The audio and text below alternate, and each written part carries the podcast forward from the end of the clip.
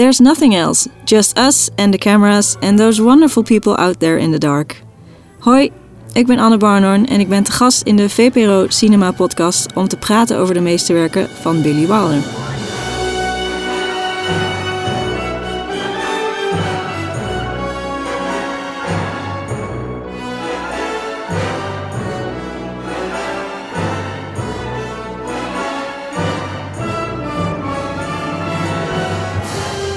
Hallo en welkom bij de VPRO Cinema Podcast. In deze podcast gaan we het hebben over film. Geen korte interviews, maar gewoon een goed gesprek. Met deze keer het eerste deel van een tweedelige serie over regisseur en scenarist Billy Wilder. Mijn naam is Jasper Tonnon en ik ben hier zoals altijd met mijn co-host Stephanie Laurie. Ja, hallo, hallo, hallo. En vandaag onze gast. Uh, tijdens de Filmacademie werd het voor haar duidelijk. Ik ben een schrijver, geen regisseur. En zo schreef ze verschillende scenario's, onder andere De ontmaagding van Eva van Ent Happy Hanna en Aanmoddervakker, waar ze in 2014 een gouden kalf mee won voor beste scenario. De film gaat over de 32-jarige Thijs die nog niet volwassen wil worden. Ze heeft twee tips voor het schrijven van een scenario. Hou je ogen goed open, maar kijk ook naar jezelf. En als deze dame niet aan het schrijven is, dan is ze misschien wel aan het paaldansen in haar woonkamer. Welkom, Anne Barnhorn. Ja, dankjewel. hoe, um, hoe weet je dat? ja, ja, ja, ik heb eventjes, uh, eventjes gekeken. Een grondige research. Ja, heel goed. Ik ben heel lang mee bezig geweest ook. Dus uh, ja, ja. ik hoop dat het klopt. Ja, het klopt. Ja, ja. nog steeds. Ja. Paaldansen, ja. Nou, leuk. Aanleiding uh, voor deze tweedelige podcast is het uitgebreide Billy Wilder retrospectief dat deze zomer in Amsterdam te zien is in AI. Uh, en omdat Billy Wilder heel veel films op zijn naam heeft staan, nemen we zijn carrière hier onder de loep aan de hand van zes van zijn meesterwerken. In de eerste aflevering kijken we naar zijn drama's. En in de volgende aflevering bespreken we drie van zijn comedies. Uh, vandaag dus eerst de drama's. We gaan het specifiek hebben over drie van zijn meesterwerken in het genre. Namelijk Double Indemnity uit 1944. The Last Weekend uit 1945 en natuurlijk Sunset Boulevard uit 1950. En dat gaan we dan weer doen aan de hand van drie stellingen. Maar voor we eraan beginnen, eerst even een korte biografie over Billy Wilder. Billy Wilder werd in 1906 uh, als Samuel Wilder geboren in een dorpje dat toen nog bij Oostenrijk hoorde. Hij groeide op in Wenen, werd vervolgens journalist in Berlijn en begon daar met het schrijven van filmscenario's. Na de opkomst van de nazi's besloot hij naar Parijs en vervolgens naar Hollywood te vluchten. Daar pakte hij het schrijven van scenario's weer op, waarna Paramount, de studio Paramount, hem de kans gaf ook eens een film te gaan regisseren. In het begin van zijn carrière maakte hij vooral serieuzere films, waaronder klassiekers als Double Indemnity, The Last Weekend, Ace in the Hole en Sunset Boulevard. En vanaf ongeveer halverwege de jaren 50 richtte hij zich vooral op comedies. En ook in dat genre maakte hij heel veel klassiekers. Denk bijvoorbeeld maar aan Some Like It Hot of The Apartment. Hij werd twaalf keer genomineerd voor de Oscar voor beste scenario, waarvan hij er drie won. Acht keer ontving hij een nominatie voor beste regie, daarvan won hij er twee. En in 1987 kreeg hij nog de, uh, van de Academy nog de Lifetime Achievement Award. De laatste decennia van zijn leven kreeg hij geen film meer van de grond. Hij stierf in 2002 op 95-jarige leeftijd. Nou. Jeetje, ik ben uh, jaloers op deze man. Ja, ja oud. Hè? Nou, niet, niet of al die awards. leeftijd. maar op alles wat hij... Uh bereikt heeft. Zoveel, zoveel. films en zoveel nominaties. Ja. Het lijkt dan altijd net alsof het iemand volledig voor de wind is gegaan zijn hele leven. Het zal natuurlijk wel niet zo zijn. Nee, nee zijn leven was sowieso in het begin natuurlijk al heel moeilijk. Omdat hij moest vluchten van de nazi's en zijn ouders is kwijtgeraakt. Ja. Oh ja, dat zijn moeder is kwijtgeraakt. was ik dan even vergeten. ja. Maar, um, ja, terug. Als, als regisseur heeft hij wel een redelijk gezegende carrière gehad, inderdaad. Ja. Maar je hebt, je hebt nog alle tijd, hè? Dus, uh, en je hebt al een kalf. Ja. Toch? Ja, ja, ja. ja. ja, ja, ja. ja okay. Maar laten we beginnen met de eerste stelling. Uh, films draaien voor 80% om het script van Wilder. En daar had hij helemaal gelijk in. Ik ga dan toch meteen naar jou kijken, Anne. Wat, uh, wat vind je van deze stelling? Ja, ik kan het natuurlijk niet anders dan uh, toejuichen, de ballonnen uitgooien, rode lopen, champagne open. Ja, goed. Ja, ik ben het daar, ik ben het daar uiteraard mee eens.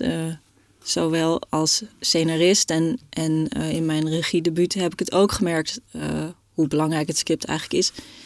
Um, helaas uh, denkt niet iedereen er zo over. Maar ja, weet je, als de basis van een film niet goed zit, dan, dan kan je het wel verfilmen, maar dan wordt het nooit, um, wordt nooit beter. Je kan het misschien nog hier en daar wel een beetje oplappen, maar de essentie van het verhaal moet gewoon echt rammetje dicht zitten. Mm. Moet geen spel tussen te prikken zijn. En dan kan het echt een goede film worden. Maar er is altijd zo'n soort, nou ja, niet echt een gezegde, maar een soort van filmgezegde waar ik nu natuurlijk niet op kan komen. Maar het is iets van een middelmatig script Ik kom, ik kom er echt niet op. Maar iets van een middelmatig script kan nooit een goede film worden. Maar een goede, goed script kan wel een middelmatige film worden. Ah ja. Ja. Zo, eh, zoiets. Je kan het wel verpesten, maar je kan het niet beter maken eigenlijk. Ja, ja. Ja. Wat vind jij van de stelling? Eh, ja, nou, ik, ik ben er eigenlijk ook wel mee eens. Nou, Wilder had natuurlijk ook een hele soort strakke visie ook met, met, met zijn script, of hoe die schreef. Mhm. Dus bij hem ging het ook echt om elk woord. Dus elk ootje, elk kuchje, daar was over nagedacht. Ik weet niet hoe Ja. precies jij daarin bent met eh, eh, woorden. Of, of, Ja, Ook echt Ja? behoorlijk precies. Ja. ja. ja. Er zijn, eh, ehm, sommige regisseurs houden er heel, heel erg van om te improviseren op de set. Maar Ja. met mijn, ja, ik wil dat gewoon niet dat je dat met mijn scripts doet. Dat zit echt helemaal over iedere dialoogzin is nagedacht. En dat natuurlijk sommige woorden en zo zullen niet lekker lopen, dus die verander je dan. Maar het is niet de bedoeling dat daar een beetje gefree float mee wordt. Ja, Hm. ja. Nou, hij had dat, wel- hij had dat Nee, bij hem mocht het helemaal niet. extreem Nee, Er natuurlijk. mocht geen woord bij, er Nee. mocht geen woordje af. Nee, en er werd ook echt eh, in de ga- goed in de gaten gehouden, ook eh, tijdens de set. Ja. En als, het dan, als dat dan wel gebeurde, eh, was volgens mij ook een, ja, ik weet niet van meteen een Ja, maar anekdote, ja, ook over een acteur. En die zei op een gegeven moment ook, die moest volgens mij de zin zeggen, eh, mister. En dan weet ik dan kwam er een zin. Ja, maar zij, jij moest iemand roepen, volgens mij. Ja, afstand zo, I, houden. Ja. I- ja, I have a message for you of zoiets. En toen zei hij daarvoor van, oh, mister. Nou, dat kon natuurlijk echt niet. Hij zei van, de oh, dat, dat, dat staat niet in het script. Maar die man die zei van, ja, maar... En, en hij bleef het maar voor de zin zeggen, oh, oh, mister. Hij zei, maar waarom doe je dat nou, Wilder? Van, ik snap niet waarom je dat zegt. Nou, en op een gegeven moment, dat escaleerde en dat, en- en allemaal takes en takes verder. En toen op een gegeven moment zei die acteur, wat het ding is, er staan zoveel figuranten daarvoor. En hij staat voor, op een afstand. Dus ik moet wel eerst zeggen, hey, hey, mister, hey. Ja, Nou, er heel lang over nagedacht en uiteindelijk Dat is zei hij, ja, oké, volgens mij klopt het. Volgens mij moeten we oh daarvoor zetten. En toen heeft volgens mij Izzy Diamond zo een soort protest zo opgeschreven, zo de O. Nou, zo Ja. heftig ging dat. eh, wauw, fantastische man. Ja, ja, ja, ja. Ik, eh, want jullie zijn het dus altijd redelijk mee eens. Ik ben het er eh, gedeeltelijk mee eens. Ik denk dat het wel, want films draaien 80% om het script. Ehm, ik- dat scheert wel heel veel over één kam, vind ik. Er zijn natuurlijk ehm, heel veel regisseurs waarbij de films meer draai- drijven op de thematiek en, en eh, op de stijl dan op het plot, zeg maar. Ja, Je hebt arthouse films als David Lynch. eh, waar ik, ja, ik ik haal dan misschien verhaal of plot en script door elkaar of zo. Maar in ieder geval die- waarbij de stijl veel belangrijker is. Maar ook tegenwoordig actiefilms natuurlijk die meer draaien op hun actiescènes, op hun achtervolgingen dan een goed verhaal. Zeg maar. Je gaat niet Ja, naar een maar- Michael Bay film voor, voor het script. zeg Nee, maar hoe vet zou het zijn als een Michael Bay film ook nog echt een fantastisch verhaal had? Ja. Toch? Is Ja, nee. gemis? Ik bedoel, ik, zei, ik denk ook dat het zou moeten, maar ik bedoel meer, is het zo op dit moment? Want als, ik bedoel, als sowieso is natuurlijk als.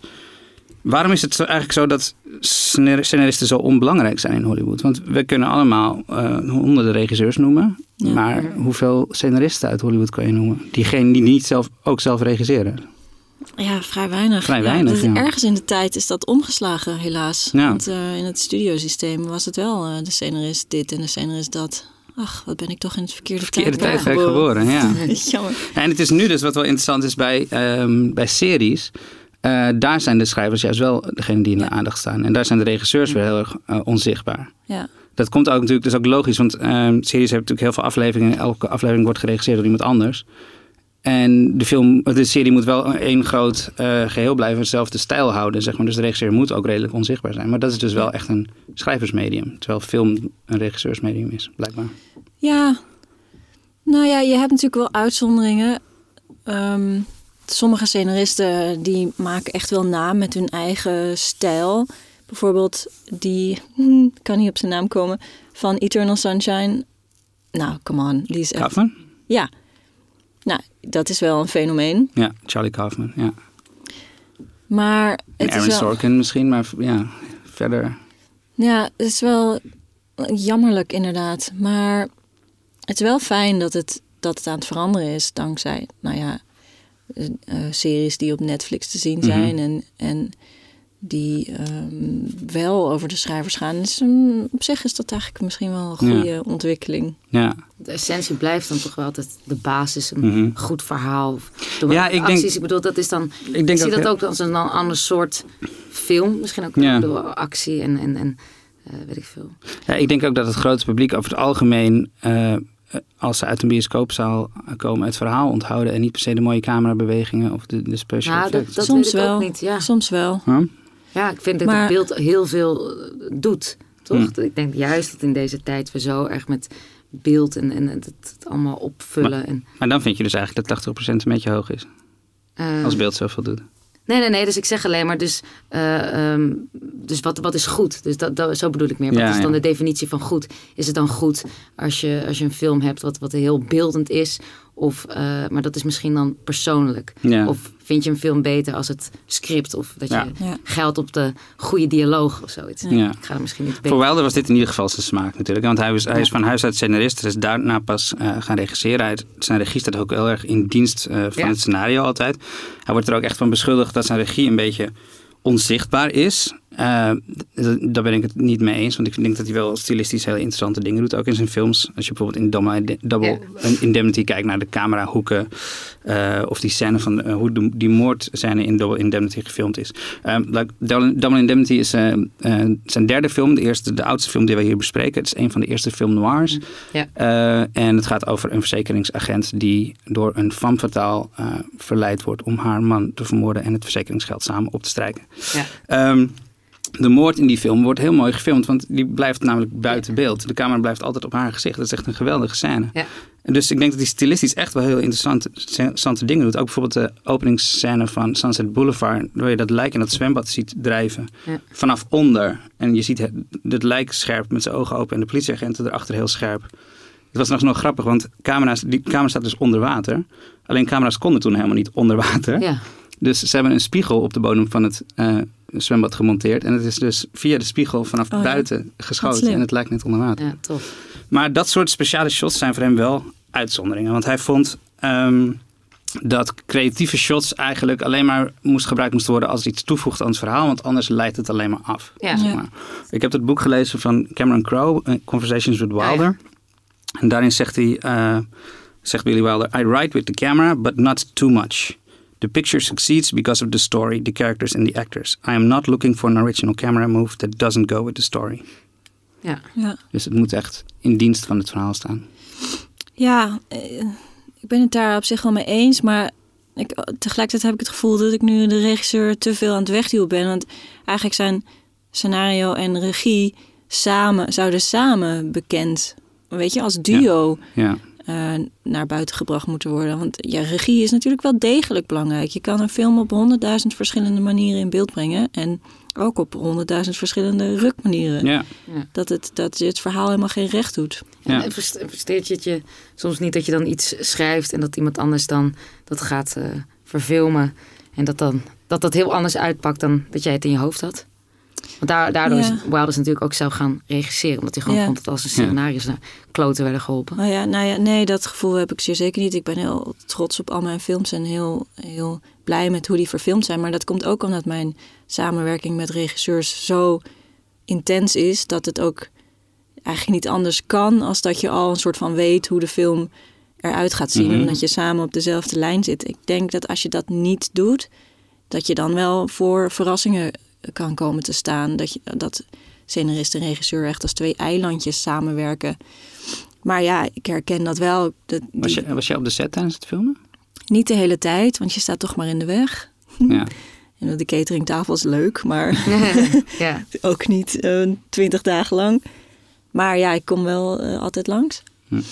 Maar ik begrijp wel eh, dat hij op een gegeven moment de regie in eigen handen is gaan nemen. Want dat is natuurlijk ook mijn wens uiteindelijk. En ja, dat ja, ja omdat het...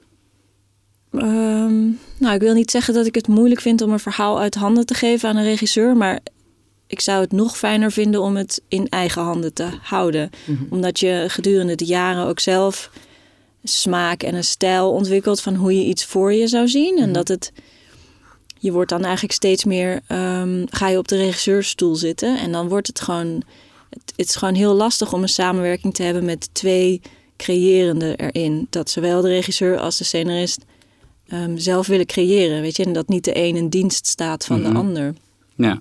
Dus om die reden eh, is bij mij de wens on- ontstaan. En ja, ik ga mezelf niet met Billy Wilder vergelijken, maar Uh, I feel je. Ja, ja, ja.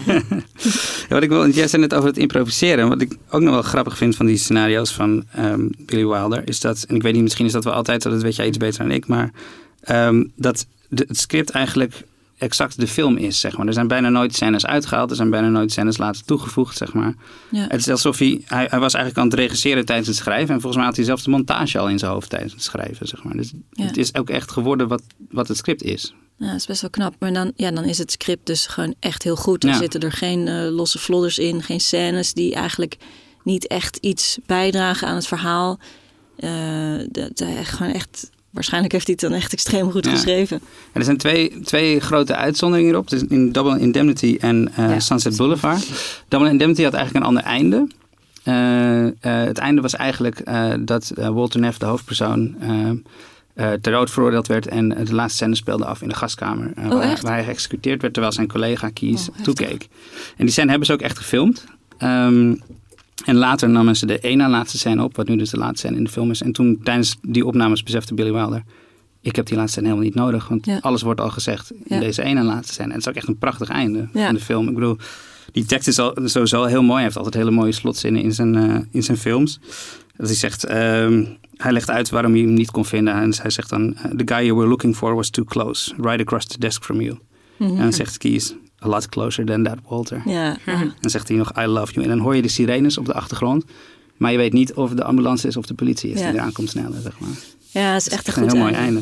En die andere is dus Sunset Boulevard. Dat is wel grappig. Daar is ook een ander begin voor ja, bedacht. die vond ik ook Ehm, grappig. Ze hadden eigenlijk het begin dat eh, het lijk eh, van, van eh, de hoofdpersoon... want Sunset Boulevard wordt dus eigenlijk verteld door een dood, dode persoon. De voice-over is al dood tijdens het vertellen van de film. Wat natuurlijk best wel een inventieve eh, verhaalgreep is, zeg maar. Eh, maar het, begon dus eigenlijk dat de lijken allemaal het mortuarium ingereden worden. En dan hoor je al die lijken eh, de voice-overs van, zeg maar. En die vertellen elkaar het verhaal over hoe ze overleden zijn. En zo begint hij dus, Joe Gillis, ook aan het verhaal van Sunset Boulevard. Maar bij de testscreenings moest het publiek ontzettend hard lachen om die scène. en dat was helemaal niet de bedoeling. Dus toen moest Wilder eh, ja, iets anders bedenken. En toen is hij dus met die bekende zwembadscène gegaan. Oh, wat goed. Ja. Maar dat zijn dus eigenlijk de enige twee grote wijzigingen die ik kon vinden, volgens Ja, mij. ja, volgens mij ook. Dus zijn scenario's waren- zaten zo goed in elkaar. Ja, het is wel echt... Hij kan wel een mopje schrijven hoor. Dus Ja. Ja, zeker. Holy. Ja. Ja. het is echt, eh, ja, dat viel mij ook echt op. De script zit echt goed in elkaar en dialogen zijn ook echt heel goed. Ja. Hij heeft ook altijd een, een schrijfpartner. En volgens Ja. mij discussiëren ze dan ook heel veel door. Ze hebben volgens mij elke zin bepraten ze gewoon van... hebben we deze zin nodig? Kan het grappiger? Kan het scherper? Eh, kunnen we het net iets anders doen? Is dit niet net beter? Als je in je eentje bent, dan op een gegeven moment zit je natuurlijk wel in, in een soort tunnel, volgens mij, of niet? Ehm, ja, dat kan wel gebeuren. Ja, ik zit altijd in, in mijn eentje eh, alles op te lezen. en, eh, en dan op een gegeven moment inderdaad met de regisseur. Dan, ik heb wel bijvoorbeeld met Michiel ten Hoorn, met Aman de Mhm. Vakker... hebben we ook samen alle scènes uitgespeeld. En ook zo kijken van, oké, wat kan weg? Wat kan anders? Wat kan korter of grappiger? En dat werkt best wel, werkt best wel goed. Want je, je merkt toch pas hoe iets klinkt of hoe iets... Hè, hoe eh, taal loopt als je Mhm. het zelf uitspreekt. Als je het zelf al niet kan uitspreken, nou, ik denk, ja, dan, Ja. dan lukt het iemand anders waarschijnlijk ook niet. Oké. Ik had nog wel een ding wat ook wel leuk. Hij had echt alles, eh, hield hij in eigen hand. Had dus ook methodes om de studiobaas op afstand te houden. Hij schreef nooit een synopsis of treatment, omdat daar vaak ongevraagd andere schrijvers op werden gezet. Dus op de eerste opnamedag hadden ze slechts 20 of 30 A4'tjes tekst klaar. En de rest werd dan geschreven tijdens het filmen. Dus Wil- Wilder nam zo weinig mogelijk shots op, zodat elke film alleen volgens zijn plan kon worden gemonteerd. Dus hij was echt gewoon, Ja. Hij zat van begin tot eind Hij zat er bovenop. Bovenop. Ja. Ja, maar ging hij dan van nul naar dialoogversie? Ehm, hoe, hoe- bedoel je? Nou ja, geen synopsis, geen treatment. Eh, b- ik raak meteen in paniek bij het idee alleen al. Nou, nee, dus hij, hij, hij moest dat natuurlijk doen. Ja. Maar hij probeerde dat gewoon zo lang mogelijk uit te stellen. Zodat er niet van buitenaf nog... eh, dat mensen daar nog in, invloed op hadden. Ja, ja. Ik weet niet hoe dat... Vaak gaan mensen daar nog overheen van... Nou, misschien moet je het toch zo doen. Ja, Hier in. Nederland zeker, ja. Dus eh, ja, vandaar. Dus hij, dus hij had zoiets van... Nou, daar heb ik gewoon geen zin in. Eh, ik wil het niet. Ik doe het op mijn manier. Maar hij kreeg dan waarschijnlijk gewoon van tevoren van deze studio's gewoon geld om iets te gaan maken. En dan Ja. had hij daar ook de ruimte voor. Ja, Ja, op een gegeven moment wel, omdat hij redelijk snel succes had. Maar in principe, want zijn al eens een studiosysteem. Ja. En dat betekent dus eigenlijk dat hij en de schrijvers en de acteurs in dienst waren van de studio. En je ging gewoon werken aan de film waar wat je opdracht was om aan te werken. En zeker schrijvers moesten we heel veel. Die schreven vaak vier, vijf films tegelijkertijd. En dan schreven ze drie scènes en dan ging je weer naar een andere schrijver. En Ja. ze deden ook niet altijd films waar ze per se achter stonden of zo. Maar was, zijn dan eh, al zijn films... ehm, komt het basisidee dan van de studio of is dat wel van hemzelf? Nee, dat komt wel, nou, hij heeft natuurlijk heel veel boekverfilmingen en dat soort dingen gedaan. Maar hij heeft het wel altijd zelf aangedragen. Maar dat kwam dus omdat hij heel snel al redelijk veel succes had. En hij dus eigenlijk het studiosysteem een beetje begon te overstijgen. Zeg maar. Ja. Zijn naam werd echt bekend. Mensen kwamen voor een Billy Wilder film. Hm. Ja. Dus hij kon er een beetje... Maar alsnog moest, zat hij natuurlijk wel... Kreeg hij nog, zat hij nog wel onder de druk van het studiosysteem. En hij kon ook lang niet alle acteurs krijgen die hij wilde. Want die waren vaak onder contract bij een heel andere studio. Ja, En dan mochten ze gewoon helemaal niet voor hem werken. nee, dat is balen. Ja. Ja. ja. ja.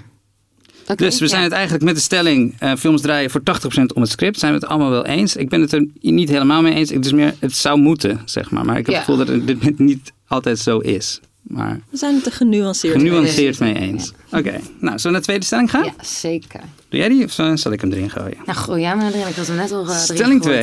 2. The Last Weekend wordt zelden genoemd als een van de belangrijkste films van Billy Wilder. En dat is volkomen onterecht. Stephanie, wil jij dat ook Ik, eh, ja, ik was helemaal fan van deze film. We hadden het het ook over.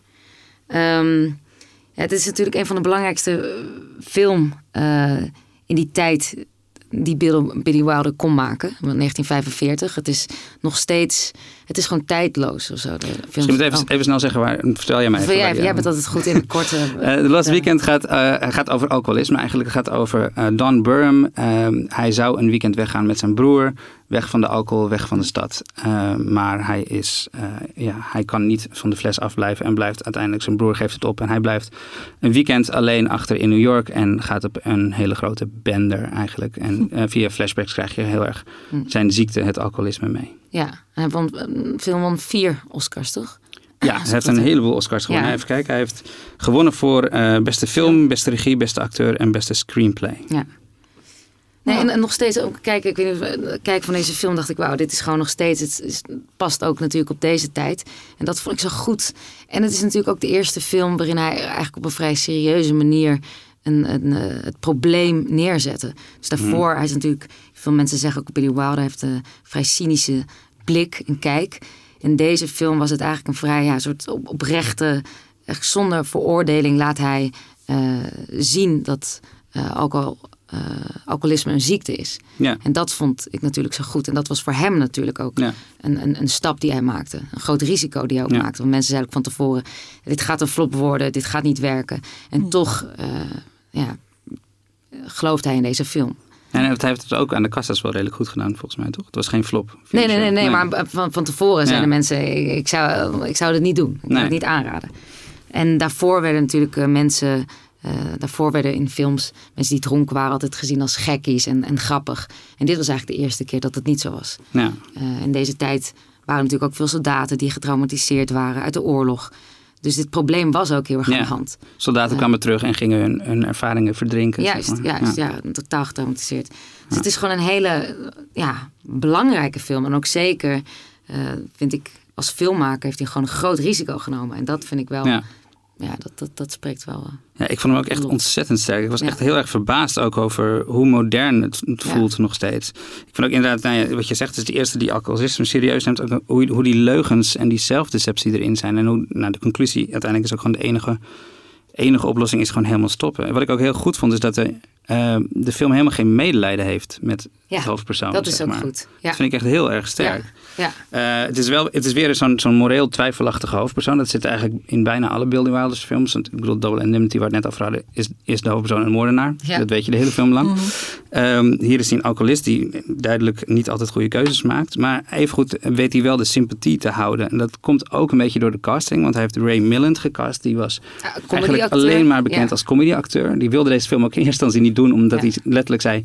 ik denk niet dat ik goed genoeg kan acteren om zo'n film te spelen. En uiteindelijk is het de, eigenlijk de bekendste film waar hij in gespeeld heeft. En hij heeft een Oscar voor gewonnen. Ah, ja. Maar dat, maar dat, is, dat, dat typeert hem toch ook als filmmaker. Dat je zo'n groot risico en als, met Ja. zo'n acteur en zo'n onderwerp in die tijd.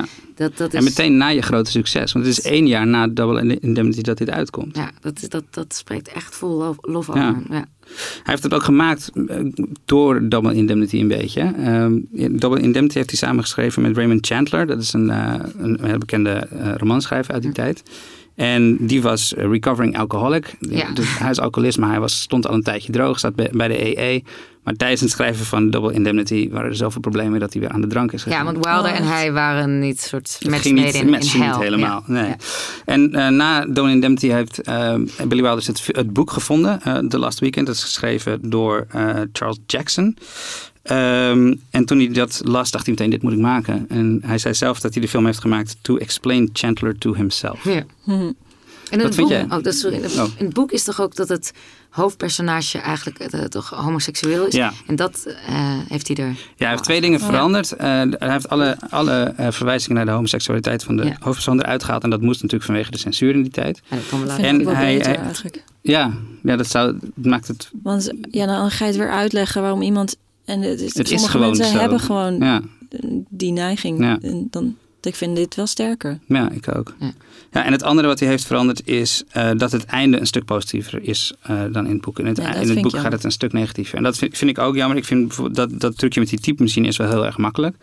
Dat die machine ineens aankomt en dan begint hij te schrijven. Maar aan de andere kant, ik had ook weer niet het gevoel dat het zo'n ontzettend positief einde is. Want ik heb hem al zo vaak terug zien vallen. Dat hij zit daar nu wel lekker te schrijven. Maar ik heb gevoeld dat hij volgende week Ja. gewoon weer aan de drank is. Ik denk Ja. dat hij altijd een touwtje, eh, een fles aan een touwtje heeft hangen. zeg Maar, maar dat is misschien toch ook wat hij wil laten zien: van dat dit niet zomaar. eh dit kan je Ja. niet meteen oplossen. Het Nee, is gewoon echt een ziekte. Dus het gaat niet van we, we maken een leuke film Nee. of dit gaat in een week tijd, is het voorbij. En dat vind ik juist zo goed. Ja.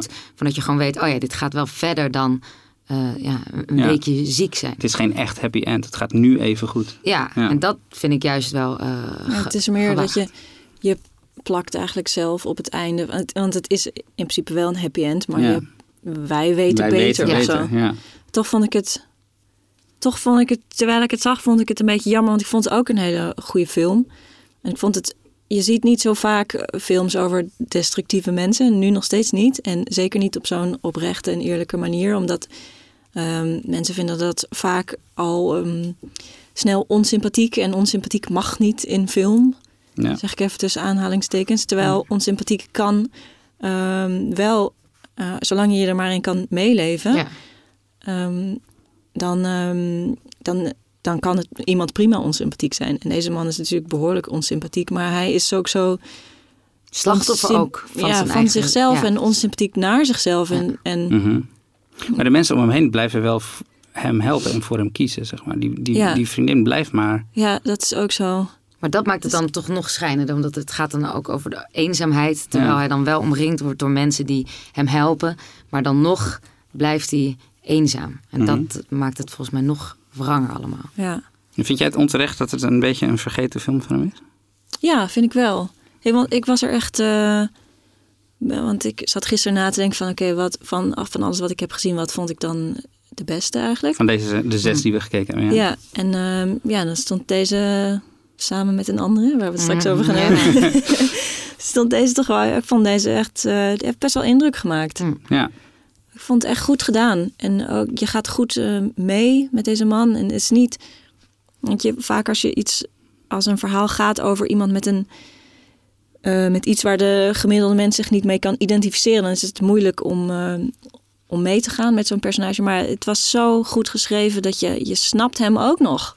ja. Terwijl je wil hem eigenlijk niet snappen, want ehm, het is een alcoholist. Ja. ja, ik maakte me bijna een beetje zorgen dat ik hem zo goed kon begrijpen. Ja. zeg maar. Ja.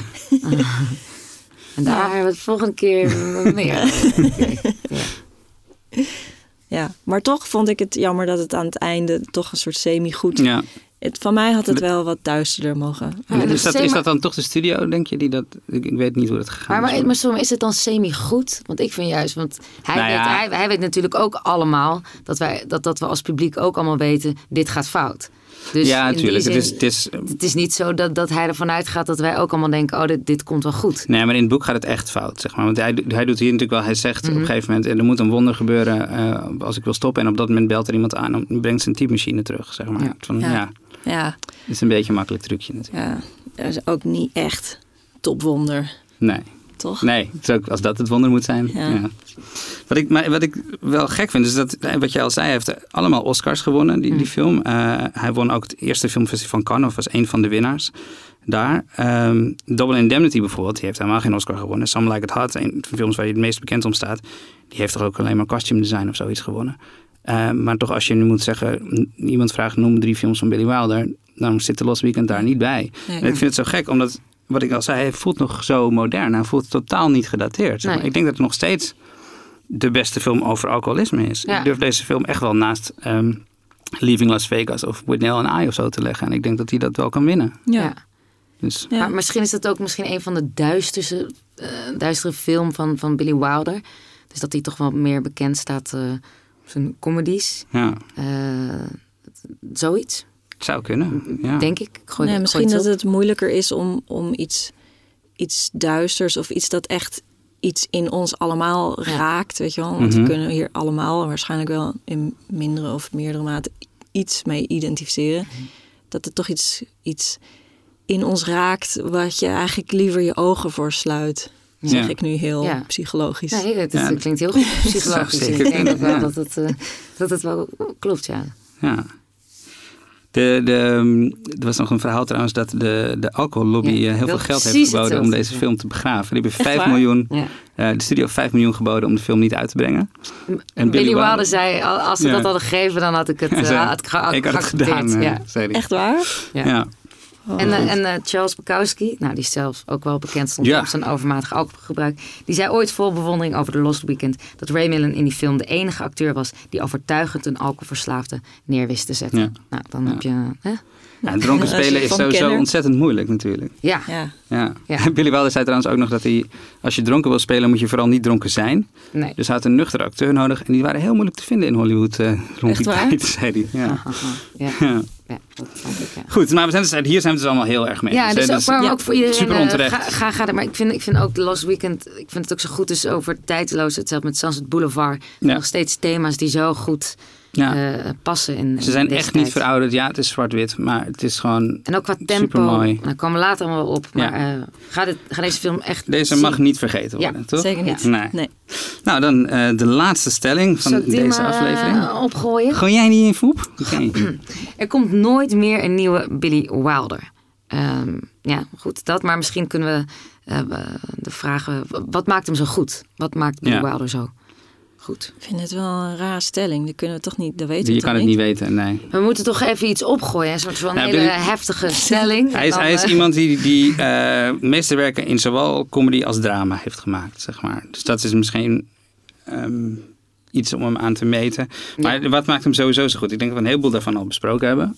En waarom hij goed is. Eh, de opbouw van zijn scenario's. Dat niks overbodigs is in zijn script. Eh, taboe elke zin. doorberekend, zeker niet Ja, tijd. zeker. Eh, hij was een van de eerste die geen helden in zijn films had, maar normale mensen. Of zelfs heel erg moreel twijfelachtige mensen vaak. Ja. Ehm, Double Indemnity eh, is de eerste film met een moordenaar in de hoofdrol. Last Weekend is het eerste film over eh, alcoholisme als ziekte. Sunset Boulevard schopt tegen Hollywood op. Ehm, later met Some Like It Hot eh, doorbrak hij zelfs echt de censuur helemaal. Ja. Maar daar gaan we het volgende aflevering wel over Ja, hebben. en ze zei ook van omdat hij een Europeaan was, dat hij juist zo goed eh, van een afstand naar Amerika kon kijken. Ja. Dat maakte zijn films ook zo. En naar Hollywood, ja. Ja, ja. Maar Wat- je, je- ja, ik ja. ben benieuwd, wat, wat, wat, wat vind jij zo goed, eh, Billy Wilder? Oh jeetje, wat een toch wel een moeilijke vraag. Ja, eigenlijk alles wat jij net opnoemt, is vooral verhalend vind ik hem heel sterk. En het is ook best wel bijzonder dat hij zo breed inzetbaar is, zeg maar. Hij heeft gewoon alle genres onder zijn vingers, Mhm. lijkt wel. Ja. Wat best wel bizar is. ja. Hij heeft, hij heeft nog nooit een westernfilm Hij gemaakt. heeft geen western gemaakt. Hij heeft wel, Oké, want we alles bespreken één. Ja. Ja. Ja. En geen science fiction ook. Ah, ja. Maar we, Twee, ja. we bespreken wel eh, natuurlijk maar zes van zijn films. Maar hij heeft, Ja. bij het, hier, hij heeft 27 films gemaakt. Hij heeft wel bijvoorbeeld ook een actiefilm gemaakt. Dus Ja. Five Graves to Hero. Zo. En eh, romantische comedies. En, Nou ja, ik denk wat hem misschien ook zo goed maakt, is dat hij blijkbaar de menselijke geest heel goed begrijpt. Mhm. Ja. En eh, niet alleen denkt op plotniveau, maar ook op een psychologisch niveau over zijn personages. Over wie wij als mensen zijn en wat onze angsten zijn en wat ons voortdrijft op hè, menselijk niveau in plaats van op verhaalniveau. Veel Hollywoodfilms of van nu ook, die drijven zo op plot, plotconstructie. En dat is Ja. vaak, het klopt allemaal wel, maar het is niet heel menselijk of niet, niet Nee. echt menselijk. Het zijn altijd toch een soort ehm, karikaturen die je dan, nou niet karikatuur, maar gewoon ehm, personages die in een mal zitten. Ja. En ehm, de personages die Billy Wilder opgooit, die zijn allemaal heel menselijk. Met ook mindere kanten en zwakke plekken. En, maar echt zwakke plekken, zeg Ja. maar. Ja. Ja. Dus Duistere. dat vind, vind ik mooi aan zijn films. Dat het gaat echt over mensen. ja. Normale mensen. Ja. Ja. En ook het taalgebruik is veel, behalve in Double Indemnity, daar is het nog wel een beetje eh, artificieel. Maar in de rest van film is het taalgebruik ook heel erg alledaags Ja, eigenlijk. ja, en soms ook echt behoorlijk spitsvondig. Ja, behoorlijk, ja. Ehm, hij, hij is ook heel goed, eh, dat kan jij misschien waarderen als scenario-schrijver, in het verbergen van zijn plotpunten, zeg Ja. maar. Ja. Kan jij uitleggen wat dat betekent, misschien? Ehm, nou, ehm, als je een film schrijft, dan... eh, ja, sommige mensen houden zich er helemaal niet aan. Dat moet ook maar je stijl zijn. Maar eh, er is een soort van algemene structuur voor een scenario. En die structuur is gebouwd op eh, actes, sequenties, plotpoints. En een plotpoint is eigenlijk een punt in het verhaal... waarop de film een andere wending neemt. En ehm, de bekendste is denk ik het inciting incident. Dat is, je introduceert een hoofdpersonage... En dan loopt diegene tegen een probleem aan. Iets dat. hm, Dus je schetst een wereld, een soort status quo. En dan gebeurt er iets dat deze status quo omver haalt. En waarop het hoofdpersonage moet handelen. Dat is het inciting incident. Mhm. En in veel films, eh, nou dat is eigenlijk waar we het net over hadden, overheerst het plot heel erg. Dus dan voel je heel erg die scharnieren zo gaan. En je, we herkennen denk ik allemaal wel dat je een film kijkt die heel erg voorspelbaar is. En waarvan je aan het begin al weet van, oh ja, dit gaat zo en zo aflopen. Bijvoorbeeld veel romantische comedies hebben het wel. Die, die lopen zo volgens een bepaalde structuur dat je hem eigenlijk van tevoren al helemaal Ja. kan invullen. En die, dat, die plot points, die zijn bij ehm, in, in de films van Billy Wilder zijn inderdaad best wel eh, goed weggemoffeld. Want ik heb erop zitten letten. Ja. En ik kon soms gewoon echt niet zeggen van oké, dit is einde eerste acte. Nu gaan we naar, of dit is midpoint. Eh, In het midden van de film heb je ook altijd een groot omslagpunt. Dat is in sommige films echt heel moeilijk. Ja. een hele Hij subtiele... stopt ze heel goed weg. ja, Ja. dat is echt knap. Hij was ook een van zijn schrijfregels. Hij zei: eh, The more subtle and elegant you are at hiding your plot points, the better you are as a writer. Ja, nou, daar ben ik het echt volmondig mee eens. Ah, mooi. Het is ook, hij doet het ook met, eh, met voorwerpen. Je hebt natuurlijk heel veel films waarbij in die eerste acte komt er een voorwerp duidelijk in beeld. En dat weet je al, dat gaan we in de derde Ja. acte weer terugzien of zo. Ja. Dat doet hij ook, maar bij hem zie je het niet aankomen. Vaak, je, pas achteraf denk je van, oh, dat heeft hij toen heel tactisch gepland, dat Ja. voorwerp daar in de eerste acte of zo. Ja, dat is echt, echt goed gedaan. Ja. Maar eh, komt er nooit meer een nieuwe Billy Wilder? We zeiden net, dus hij heeft eh, meesterwerk in, in een heleboel genres gemaakt. Eh, daar is hij denk ik niet eh, uniek in. Ik moet dan bijvoorbeeld meteen denken aan Stanley Kubrick. Die eh, eigenlijk alle genres eh, eh, heeft gemaakt. En in elk genre een meesterwerk heeft afgeleverd. En daarna Ja. weer verder ging naar het volgende genre. Ehm, die films waren, denk, ik denk dat Wilders films wel eh, bij het publiek veel populairder waren misschien. En Kubrick heeft natuurlijk ook veel minder films gemaakt dan Ja. Wilder. Maar hij, wa- hij was natuurlijk niet de enige die dat kon. Kubrick was daar natuurlijk ook ontzettend goed in. En ook wel andere makers. Nou, eh, Hitchcock moet ik ook aan, aan denken. Waarom eh, hij natuurlijk bekender is of een groot publiek. Ja, Maar hij maakte natuurlijk ook, Hitchcock was, maakte van zichzelf natuurlijk ook een soort groot mysterie. Een soort, Ja. eh, en maakte Dat- wel, behalve, behalve, hij heeft één of twee comedies gemaakt. Maar verder maakte hij natuurlijk wel redelijk films in hetzelfde genre de hele Ja. tijd. ja, maar meer van waarom Hitchcock natuurlijk. Wel eh, zo. ja. Tja, ik vind dit soort stellingen altijd heel moeilijk. Want misschien lopen er wel honderdduizend Ja. nieuwe Billy Wilders rond, maar die krijgen de, niet de kansen, weet je wel. Nou, hij heeft sowieso natuurlijk al heel veel mensen eh, beïnvloed en geïnspireerd. Mhm. om, om en, en anders naar script te laten kijken. En scriptschrijver is denk ik ook serieuzer genomen, eh, door, mede door zijn werk, zeg maar. Heeft ook gezegd: tegenwoordig is het veel moeilijker voor regisseurs dan in mijn tijd. Het gaat alleen nog maar om geld. Mooie ideeën worden stuk gepraat. Ja. Tijdsgeest van, van, van nu. Ben je Ja. daarmee eens? Ja, Ja. ja, Mooie ideeën worden stuk gepraat. Ja? ja. ja. Nou, dan moeten we maar stoppen met praten misschien, jongens. Stilte. Ehm, ja, hebben we nog iets hierover? Wil jij nog iets zeggen, Stephanie? Nee, nee, nee, nee. Ja, het is wat je zegt. Ja, dat is natuurlijk een soort onmogelijke stelling. Maar ik hoop dat we hem enigszins goed hebben eh, kunnen beantwoorden. Ja. We hebben het nog niet heel erg gehad, want we hebben natuurlijk de Last Weekend nu eh, een beetje in depth besproken. En eh Double Indemnity hebben we redelijk Ja. besproken. Maar Sunset Boulevard hebben we het eigenlijk nog helemaal niet over gehad. Tja, ik, ja, ik weet. Misschien wil je daar nog even in Ja, ik ben er wel. Ik, ik, heb, ik heb in Maastricht op school gezeten en ik, toen heb ik ook die film. Ik heb hem een paar keer gezien. Dus het was altijd een soort van moment in mijn leven waarop ik. Ik heb volgens mij twee keer gezien. Dus ik had er wel een beeld in mijn hoofd, maar ik had in mijn, gevoel- in mijn hoofd dat hij veel trager was. Want dat heb je ook wel vaak met oudere films. Mhm. Dus ik heb hem weer eh, gekeken en ik was gewoon meteen weer helemaal. Ja. Zo, zo goed. Oh ja? En het past ook zo weer goed in, in, in, in hier en nu. En ook qua tempo.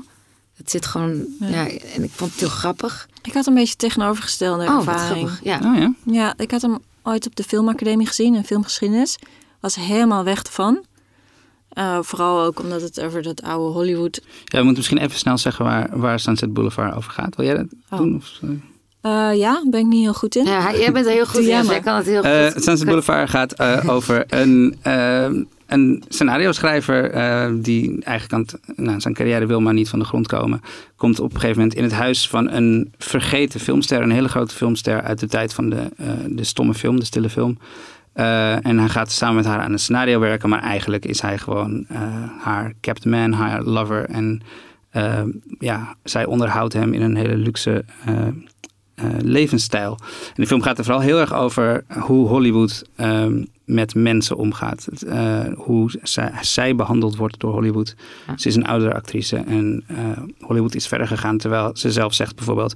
Without me, there wouldn't be a Ja. Paramount Studios. Want ik heb deze studio gebouwd. Mhm. Ja. Nou, dat is een beetje waar het over gaat. ja, heel goed, dank je. Ja, ja, ik zei het toch? Dat kan echt goed. Ja. Maar ja, ik vond- was er toen heel erg weg van. En toen heb ik hem later nog een keer gezien. Toen vond ik hem ook heel eh, mooi. En nu vond ik hem toch een tikje... Ik vind het thema heel mooi. En ik vind alles wat jij nu vertelt, vind ik heel mooi. Maar ik vond hem toch... eh, miste ik nog... Ik dacht, er had nog wel een diepere laag in gekund bij hem. Bij die scenario schrijver. Ja. Ik miste bij hem een beetje... ehm, iets van een gemis wat hij dan wel vindt bij haar. Dat zij ook iets... Het was een Hmm. beetje... Het bleef een beetje steeds hetzelfde. Ja. Het ging niet nog een niveau naar beneden. Hij kiest gewoon heel erg... Hij is een sell-out eigenlijk, toch? Hij kiest voor het luxe leventje. En Ja, maar daar blijft het dan ook bij. Ja. Dat is zijn, zijn drijf. Ja, voor mij staat het hart van de film heel erg bij ehm, Eric van Stroheim, die de butler speelt, zeg maar. Ja. Ah, ja. Erik van Stroheim was zelf ook echt vroeger een eh, regisseur van ehm, stille, stom, van stomme films. Ehm, en zijn carrière was inderdaad echt een beetje geëindigd omdat hij ook niet verder kon, zeg maar. En het zit allemaal zo dichtbij. Maar Ja, zij het- ook. zijn liefde voor haar, het feit dat hij nog steeds bij haar blijft en haar, ehm, die illusie van haar in stand houdt, daar zat voor mij een beetje het hart van de film in, zeg maar. Ja, ja, snap ik. Vond ik ook mooi. Maar ik dacht toch, ja, kan ook misschien een stukje vanaf. Vond het een beetje lang ook. Oké. Nou ja, ja ik, had het, ik, had het dus, ik had het in mijn hoofd, dus dat hij dan. Maar misschien is dat dan ook dan de verwachting waar je mee eh, gaat kijken. Ik had in mijn gevoel, Ja. oh ja, dit is weer een lange, lange film. Dus dat viel eigenlijk nog wel mee. Dat Ja. ik dacht, oh ja, ik, Er zit ook kijkt wel. eh, prachtige, prachtige citaten in, van die Billy Wilder ja, citaten. ja, van, zeker. Als hij ze zegt, hij zegt tegen haar op een gegeven moment: Oh, I remember you used to be big. En dan zegt zij: Oh, ja, I'm still big. It's just the pictures that got small. Ja, ja, die is wel, echt ja, die is wel echt heel goed, ja. En, en natuurlijk die laatste scène, dat ze die trap oploopt. En Ja. de kamer, dat is... eh, ook weer zo'n geniale eindzin. Hij, hij, zegt: er straks bij de comedy ongetwijfeld nog verder op komen. Maar eh eh, All right, Mr. DeMille, I'm ready for your close-up is wel een van de Ja. bekendste Mhm. zinnen uit de filmgeschiedenis, denk ik. Ehm, even kijken. eh, ja, ja, ja. En, en dus, trouwens, de- dus wat zij net al kort heel iets over eerder. Maar het feit dat hij dus een verhaalconstructie heeft waarbij de, de, de verteller al overleden is. En dat je dat de hele film lang weet. Ja. Is eigenlijk best wel een speciaal Nou ja, uitgangspunt, toch? hebben we nu natuurlijk wel vaker gezien. Ja, met maar American toen- Beauty of zo ja. hebben we dat wel nu weer maar gezien. Maar voor toen, toen ja. was het wel, ja. Maar hij was sowieso wel fan van voice-over. Ja. Heeft hij echt veel. Ja, het was natuurlijk ook in het ook begin. in, het was ook heel erg in mode toen met film noir en zo. En Sunset Boulevard is ook echt wel een, kan je echt wel onder de film noirs ook zetten. Ehm, daar hoorde voice-over een beetje bij of zo, inderdaad. Eh, maar hij gebruikt het inderdaad heel veel. Ja, Ja, echt. want, Maar daar was Ja. hij ook heel kritisch over. Van, Ja. Het moet allemaal ten dienste staan. Ja, ja, je moet heel erg het- opletten dat je niet iets beschrijft wat de kijker al kan zien Juist, in de ja. voice-over, dat soort dingen. Ja ik vind zijn voice-overs eh, doorgaans echt heel goed. Maar bij Sunset Boulevard vond ik hem soms een beetje dat ik dacht... hmm, ja, het voegt niet... Ik, ik zie wat je vertelt. Sorry, sorry. Interessant, oké. Ja, ik vond, ik vond het eigenlijk meteen vanaf de, de eerste zin of zo was ik mee. Of dat, dat, dat, eh, dat, cynisch, of dat het geeft een bepaalde eh, lucht, luchtigheid mee aan de film. Ja. Dat vond ik zo fijn, eigenlijk. Ja, en ik vond het gewoon ook, wat ik eh, ook dan speciaal aan vind, is dat het allemaal, hij kiest ervoor om echte namen te gebruiken en echte mensen te gebruiken.